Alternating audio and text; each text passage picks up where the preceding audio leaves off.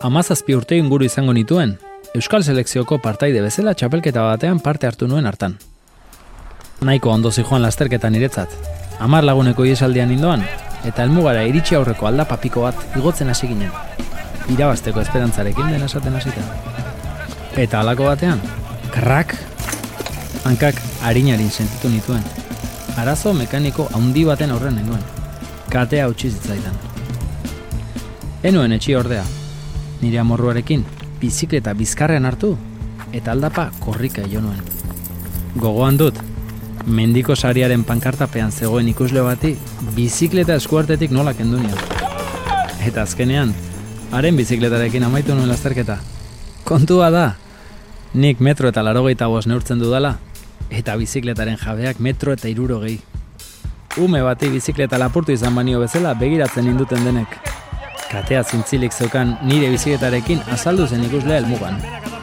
Eta txerindak elkartrukatu ostean, eskerrak eman, markamena eskatu, eta Euskal Selekzioko eskularruako paritu nizkion. Mikel Astarloza naiz, eta tandena podcastaren atal honetan, kateak inor baino hobeto zaintzen dituztenetaz itzegin nahi dizuet. Mekanikari buruz. Kontagailua atzera kontaketa zidarko dugu. Lau ospeta hogeita mazu. Daniel Zitanari, Alberto Cusco, Eritxi Porto Zitanari.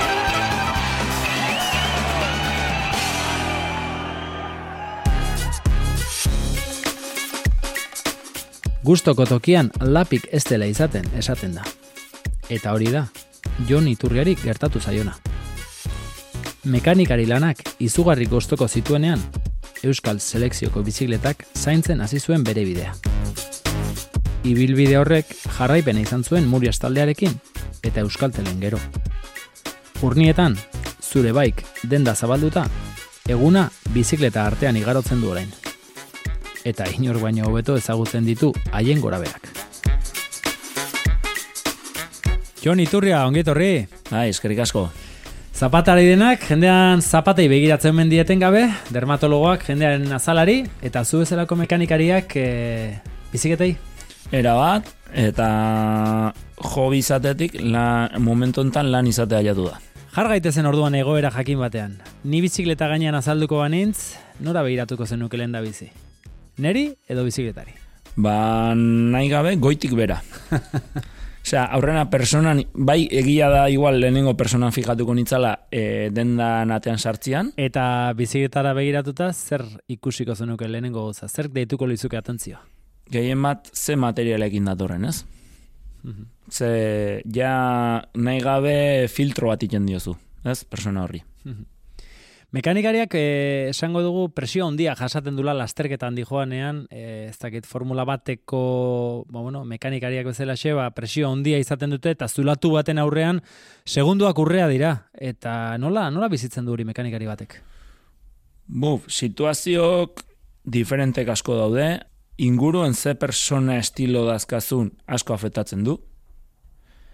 Situazio berdina estres maila diferentekin hartu leike, gero logikoa da bezala, ez da berdina, e, karrera dijoan forma batian, lasai dijoanian, edo karrera daunien situazio baten disputatzen edala, ez?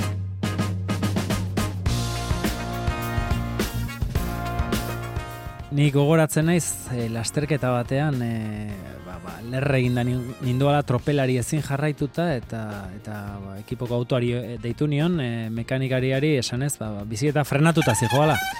Mekanikariak behin eta berriro behiratzen zuen bizikleta eta eta bizikleta gura etzi joan frenatuta ni nintzan. E, ba, bueno, frenatuta zijoan esango dugu. Ez dakit horlako egoerarik eman altzaizun. Bai, bai, ematen da, eta itzaki politia, pas, igual kotxetik heldu eta pixkat laguntza hori hartzeko, ez? Bai, gainera, e, garai batean mekanikariak ikusten genituen e, ia gorputzerdia leiotik kanpora bizikleta konpontzen, gaur egun legez kanpokoa da, e, alako konpongetak egitea, baina oraindik ere egia da arrisko handiko egoerak ematen direla, ezta? Ba, bai, eta adibidez e, ez mekaniko bati, baina adibidez lehengun kontatu zeaten nik ez dut ikusi bideoa, baina korredore bat, jumbo ismoko korredore bat, beak bere, bere kabuz, eskua botak atzeko kanbioi eta bateria nola aldatze zion eskuz. Bai, bai, egia da horrela Mikel Zarrabitiare ikusi genuela garai batean, e, behatza, ba, ba, gurpila moztuta. Arrisko handia duten e, egoerak izaten dira eta, bueno, ba, zoritxarrez batzuk, arrisko hori horri aurre egiteko erabaki hartzen dute. Ba, errepide bazterren gelditzeak ba, denbora galera dakarrelako eta zentzurretan lasterketa pilpilean dagoenean ez da erresa, ez da? Bai, eta gero askore baiten du ziklista bea nolakoa dan. Batzuk e, seguridadia ematen dizue e, situazio hortan zuk e, gorputz erdi hori kotxetik kanporatea eta beakin lan eiteko edo beste batzuk inseguro batzu dira, inseguro go, ez dakatelako seguridade hori, bai, ere bai, arriskoan jartzen dira bere buruei eta bai e, mekanikariai kasu hontan. Eta lehenkoan adibiz ejemploa ikusi genuen, Jane Bain, e, uaekoa bidoia hartu nahien e, kotxek estire bazan, eta etzan lurrea ju, pues, de puro milagro, satana. Hmm.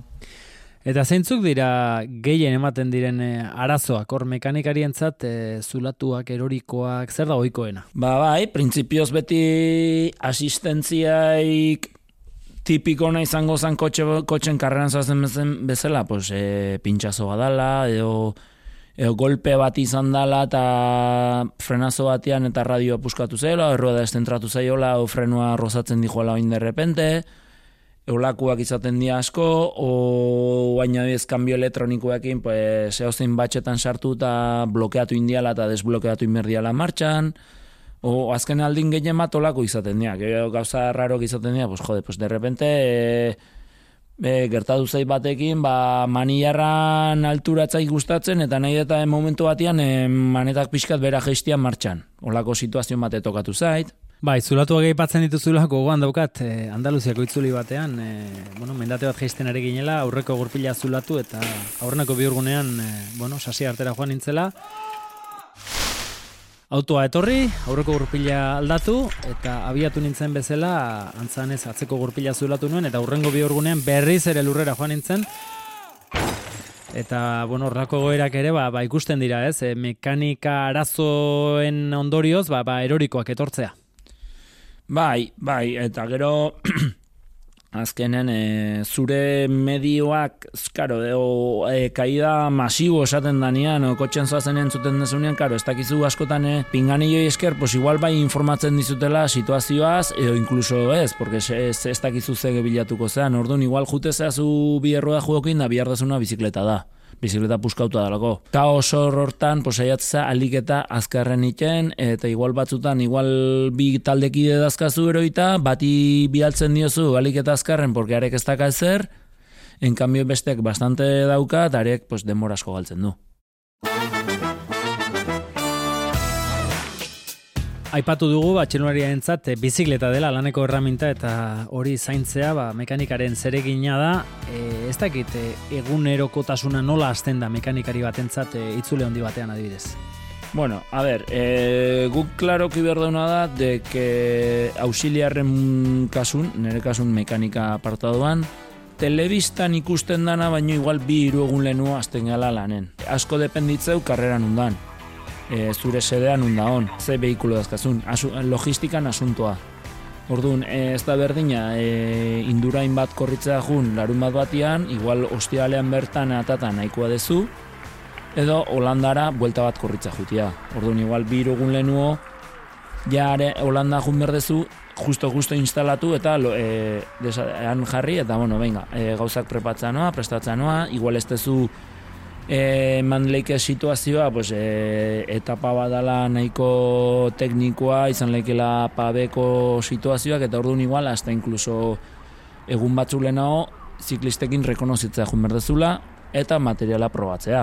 Orduan, depende situazioa, hortik, hortik, e, ze, karrera bakoitzan situazioatik e, nola hasten den gauza, ez? Da, gero karrera gunean, supuestamente ja dena estrategia, dena pentsauta da plan material guztia prestakasunean, pues goizian goizasi, karrera aurretiko prestakuntza guztik, presillo gerruedanak, kotxeko montajeak, e, bakatan jarri ekiz bizikleta repuestoko, korredoren e, bizikleta bakoitza, salida jatu, de, desmuntatu, e, karrera segitu, eta egun hortan egun Lanik gogorrena, vamos hazi, karrera e, bukatuta gero hasiko zan, ez? Horre bizikletak garbitu, segun eguraldien arabera gehiago gutxillo, ingrasiak, repuestok, kaidak izan baituzu, pues igual pieza puskauta bali madeu, bizikleta puskauta den bizikletak aldatu, e, tema hori dena, ez? Hasiko zan, gero bigarren parte hori.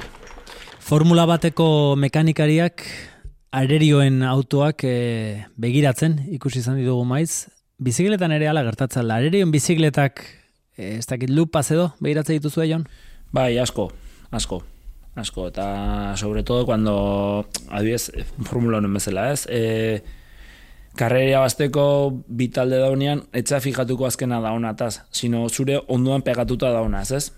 Inkluso gertatu leike proveedore berdinak izatia, bez, ez dakit kubiertak, erruedak, grupua, normalien kuadro bakoitzak bere marka izaten du, baina bai koinzitzen dutela igual material e, auxiliarretan, ez da? Eta gertatu leike situazioa jode, pues bira, hoi eman dizkete rueda berrik ja, eta guri hori nik ez digut eman. Ez dakit, ba, jode gaur etorria ingenierua marka ontakoa eta gure ganazta etorri eta behien ajunda. Olako situazioak askotan ematen dira. Bai, eta enoa esate egunero, baino ia egunero.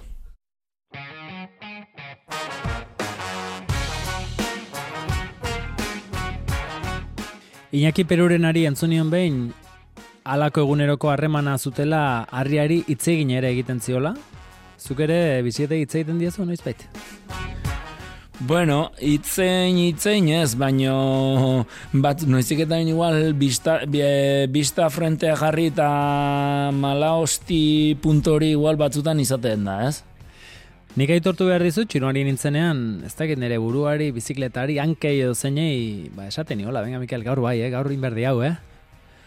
Hori gehiago nire, a ber, nire mekaniko naiz, baina lehenotik bizikletan ibilitako naiz, eta gaur egun praktika e, bizikletan asko ibiltzen naiz. Eta igual gehiago, situazio hori gehiago, bizikleta gainean nahonia nire bai. Eta zer diozu erlojupeko lasterketa dagoenean, hor bai bizikleta bereziak ikusten ditugu, material bereziekin, hor pentsatzen dut, e, lana desente handiago izango dela mekanikarientzat? Bai, eta horre asuntoa da ekipuan mailan arabera, ez, bai? e, urtean zehar ze medio dazkazun material hori prestokitzeko, ez? Ez da berdina, ba, ejemploa jartzatik, e, Ineos, Jumbo Bisma talde bat izatea bezala, segura asko txirrindurari behiek kontralojeko bizikleta beare etxen izango dutela, edo talde txiki bat, e, irugarren mailan daun kontinental talde bat, justo, justo, igual e, kontraloko bizikleta hartzen dutela, erlojupekoa baino e, egun balenago eta azten dikea e, handikapakin, e, hau ajustatu jazu, hau altxatu nahi dut, sin aurresio atzeago, eta gero, pues, e, zure bai, estrategikamente, azkenen ez zaude entrenatuta erlojupeko hortako, aurretik ez dituzulako bizikletak adibiz ezagutu. Mm -hmm. situazioak ematen dira. Bizikletak sekulako evoluzio izan du, eh? lasterketak eh, hasi ziren garaian, eh, bueno, eh, aldagailurik ez zegoen, garaipen berdinarekin egiten zuten lasterketa, gerora etorri ziren hiru bost azpi behatzi eta mabikoro arte, iritsik ara gaur egun. Eta mairure bai.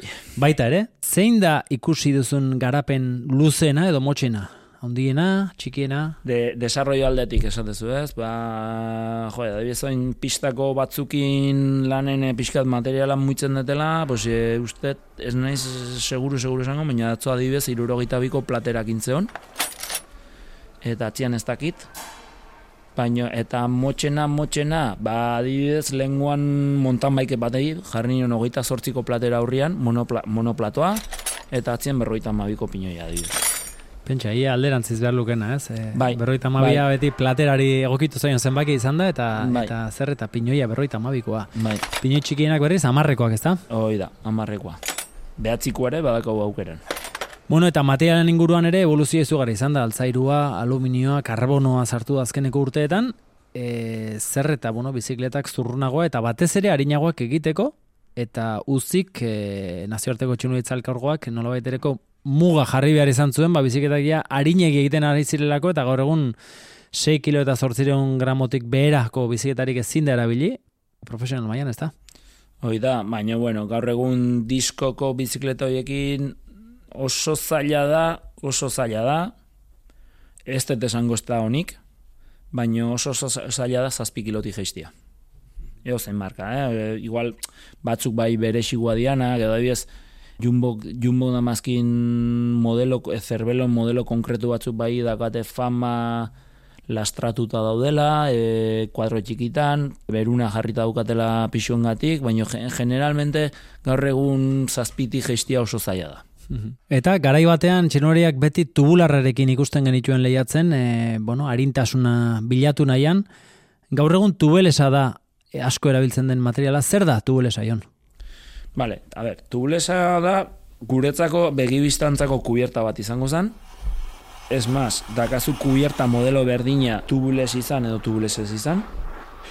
Baina tubulesek daukana da kamari gabe dijoa, likidokin, likido antipintxazos deitzen dion likido bat ematen du, eo zein korte txiki edo izan ezkeo, likido horrek itxingo lizukena da zulo txiki hori.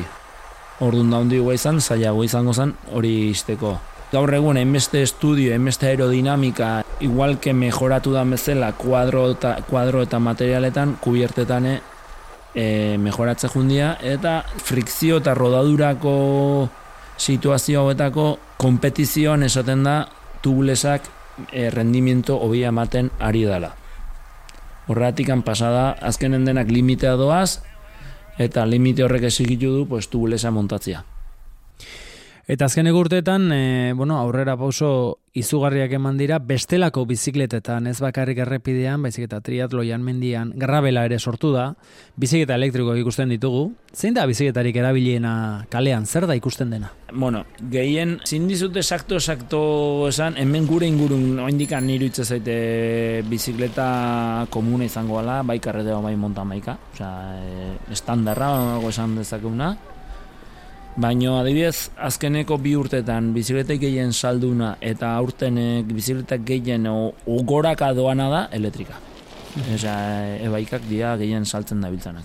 Mm -hmm.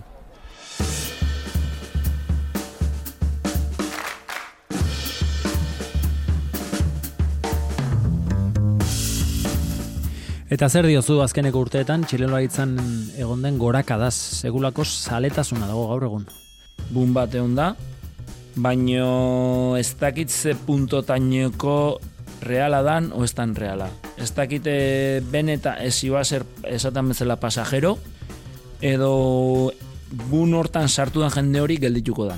Bai, nik uste eh, pandemiak eh, eragin zuela, ez? Nola ere jendea ba, kalerako edo edo kirola egiteko zaletasuna bultzatze hori, horren eredu garbia izan zen txirnularitza.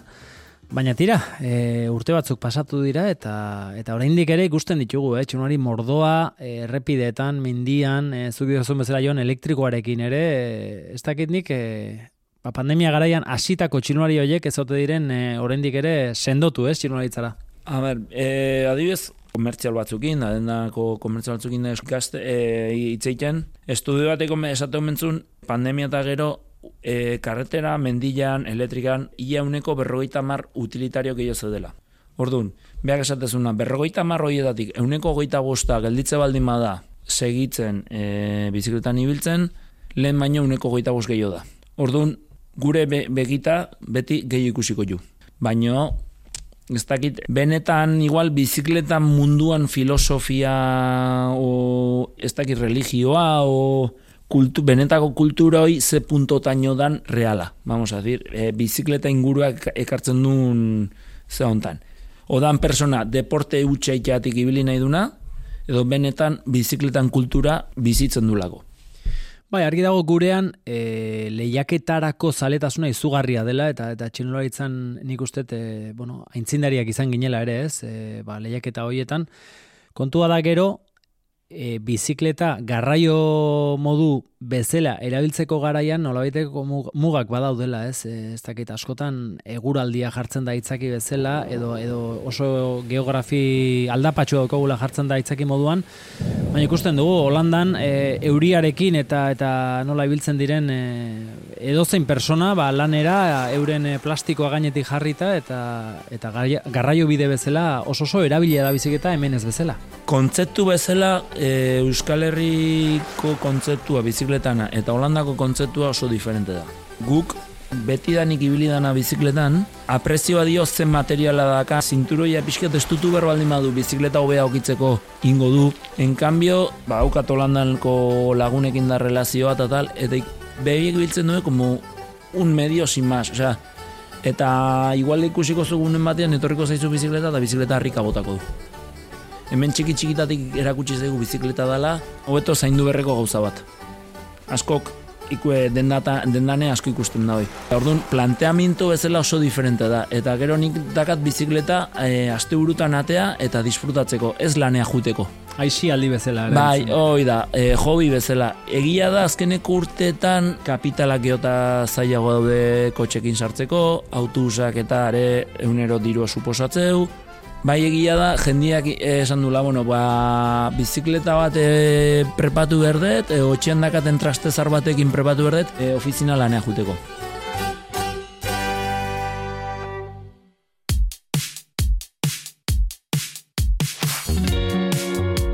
Bai, argi dago, aixi aldirako asko erabiltzen dela bizikleta gurean eta zentzu horretan e, biomekanika zerbitzu ere oso oso modan jarri da azkeneko urteetan, ba txiloriaren posiziorik egokiena bilatzea bizikleta gainean, e, geroz eta gehiago eskatzen ari den zerbitzua da ezta Bai, bai, eta sobre todo porque jende berri asko dago. Ez da gana esperientzikan bizikleta gainean. Bitxia da, biomekanikariak askotan e, ikusi izan ditugu, ba, ba, irudimensiotoko kamarak e, jarrita eta txinuariaren angeluak neurtzen eta auta beste, Baina biomekanika zarra dela ere aipatu genezak ez, azken finean edimersen garaian ere aipatzen zuten, hankatartea neurtu eta 0,zortzi bostekin biderkatu ezkero, ba, emaitza horrek ematen zuen e, altuera zera, nola ere EGPA erretik, eserlekurako altuera izan behar.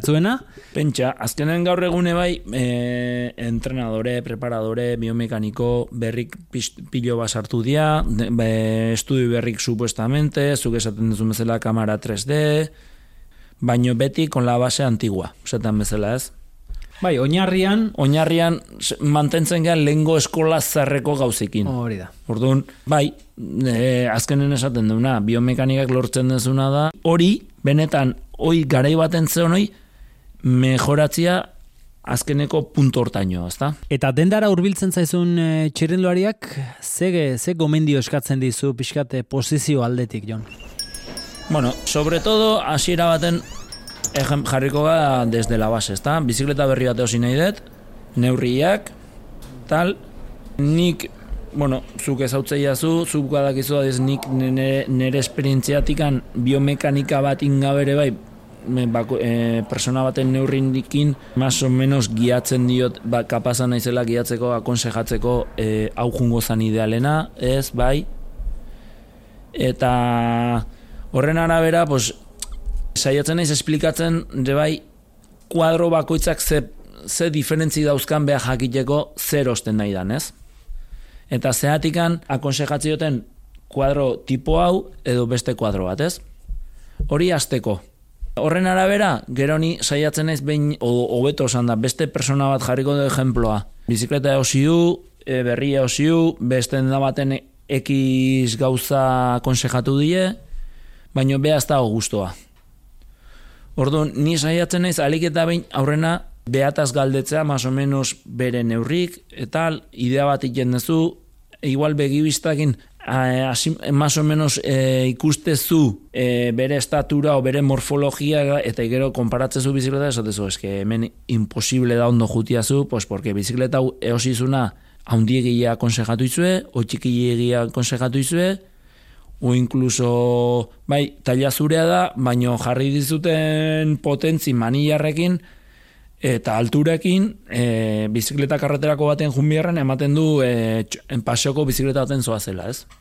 Eta gero adibidez, pues horrek nik emandako konseju horiekin ez badao ez badauko e, guztua o ez dio konbentzitzen oindik esandakoekin, Bos beste alternatiba da, directamente biomekaniko batena bialtzia, ez? O incluso berri hartzeakuan, bira, ez biomekaniko batena, e, beak indezitu zazu, ze kuadro, taia, modelo e, idealena izango zenun, eta horren arabera, eskatuko deu, zuk behar dezuna. Eta zentzu horretan joan, errepidean, e, astakeria handiak ikuste dituzu? Baita ez, a ber, e, egia da, pandemia eta gero, jende asko ikusten dela ez dakina ibiltzen. Ez da igual materialangatik konkretuki esakto zan. Egia da, bun honek induna dela bizikleta asko galestitu, eta orduan jendeak nahi gabe o ekonomo, ekonomiai biratuta, pues, pixkat igual nivela jetxindula, e, materialatik.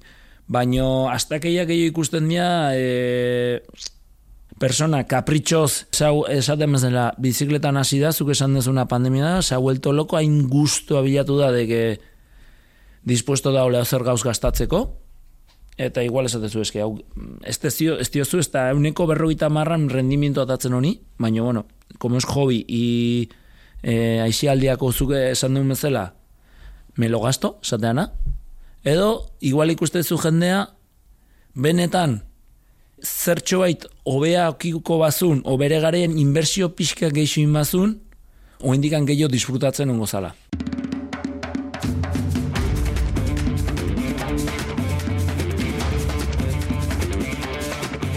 Demagun, e, bizikleta berri bat erostera dijoala, e, bizikletara zaletu berri den persona bat. Ze, ze bizikleta gomendatuko zinak? Ze, zenbateko aurrekontua izan beharko luke txirinduari horrek? Ez, nik aurrenko gauza da prosupuestua beak bere prosupuestua. Eta prosupuesto horren arabera, e, bizikleten karakteristikak alde batetik kendu eta bestetik jarri, omendik kendu eta beste jarri. Saiatzen naiz. Ez diot esaten por imposizion hausartu berdizut. Ni saiatzen naiz berakin eta beak entzutea eta beak esatea ikustea deke nik akonsejatu nahi dioten hori, beak ze forman ibiltzeko gogua dakanan arabera, gauz, hau, hau ez tezuein beste behar, baina hau akonsejatuko nizuke. Eo, ejemploa jartzetik Ba, kubierta hauek ez dizut akonsejatzen, baina jarri hauek, porque igual pixke gastatuko zuen, baina gero igual dekara futuro ahorro bada zutzako. Orduan, ikusten da askotan, eh, jendeak indula igual adibidez internetetik gauza asko edosi, izan gabe konstiente ze osten nahi dan, ez dakalako esperientzik ere, karo.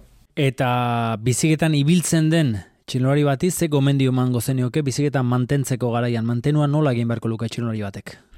Vale, a ber, gehien bat saiatu aliketak garbina okitzen.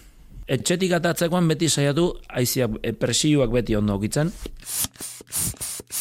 Oso importante da presioakin ondo atatze baldin mazera. Etxetikan egun hortan oso arraro izango da pintxatzea. A ber, e, el 100% de probabilidad de que ez tezula pintxatuko oi imposiblea da. Baina segurasko probabilidad asko izango dituzu ez pintxatzeko, presioak eguneroko hoiek ondo mantendu ezkeo. Frenuak ondo dazkazula ikusi. Incluso hasta erruedan zierriak ondo lotuta mazkizula, sustok ebitatzeko. Eta behin ez dut dazkazunean, igual hasta erruedak aber, zen buz giratzen, ez dizun nun bai frenatzen.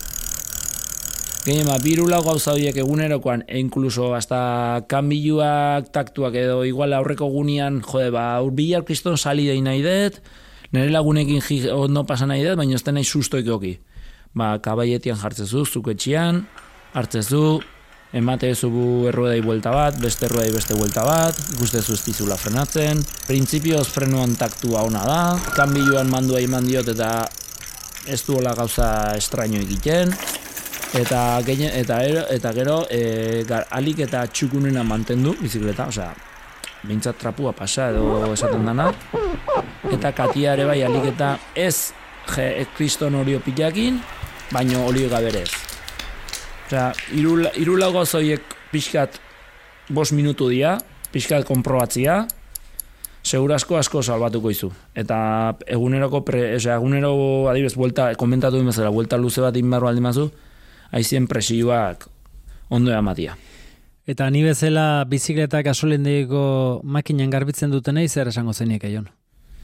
A ber, ez ez ez diot esango, baina horrek suposatzen du, gero igual etxe merdunean pistola bat hartu eta urorik endu imerdula aiziakin. edo trapuakin e, sekatu berdula ondo. Limpieza estremo bat iteko nahi gabe hobena bea da, gehienak entzen dizu. Baina konstiente izan behar dezu, oi inbadezu, horrek karriko izula beste prozesu bate bai inbiarra izango dezula. Oso ondo, zure gomendioak urria bezala gordoiko ditugu jon. Eskerrik asko. Bai, zuei.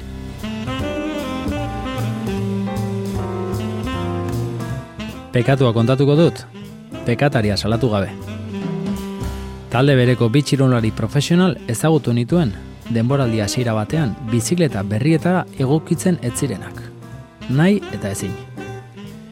Patak ezkerranka arraro somatzen zuen, besteak berriz eskubiko hanka. Egunero elkarrekin entrenatuta, bakoitza bere hankaren kexu zen. Asteak eman zituzten bizikletak neurtu, neurriak berretxi eta alderaketak egiten. Konturatu ziren arte, bakoitzak neurri desberdineko bielak zituela hanka bakoitzean. Batak, eunda irurogeita mar milimetroko biela zuen ezkerrean, eta eunda irurogeita mar biterdikoa eskubian. Besteak berriz alderantziz. Mekanikariaren akatsak, buru austea handiak eragin zizkien gizajoei. Egia esan behar bada, horrelakoak pasaizotan bakarrik kontatu behar izaten ditugu. Mekanikarien lana bikaina izaten bai da, talde guztietan. Aurkezlea Mikel Astarloza. Zuzendaria Gari Udabe. Edizioa Andoni Karnovich. Orio produkzioakek EITB mediarentzat egindako podcasta.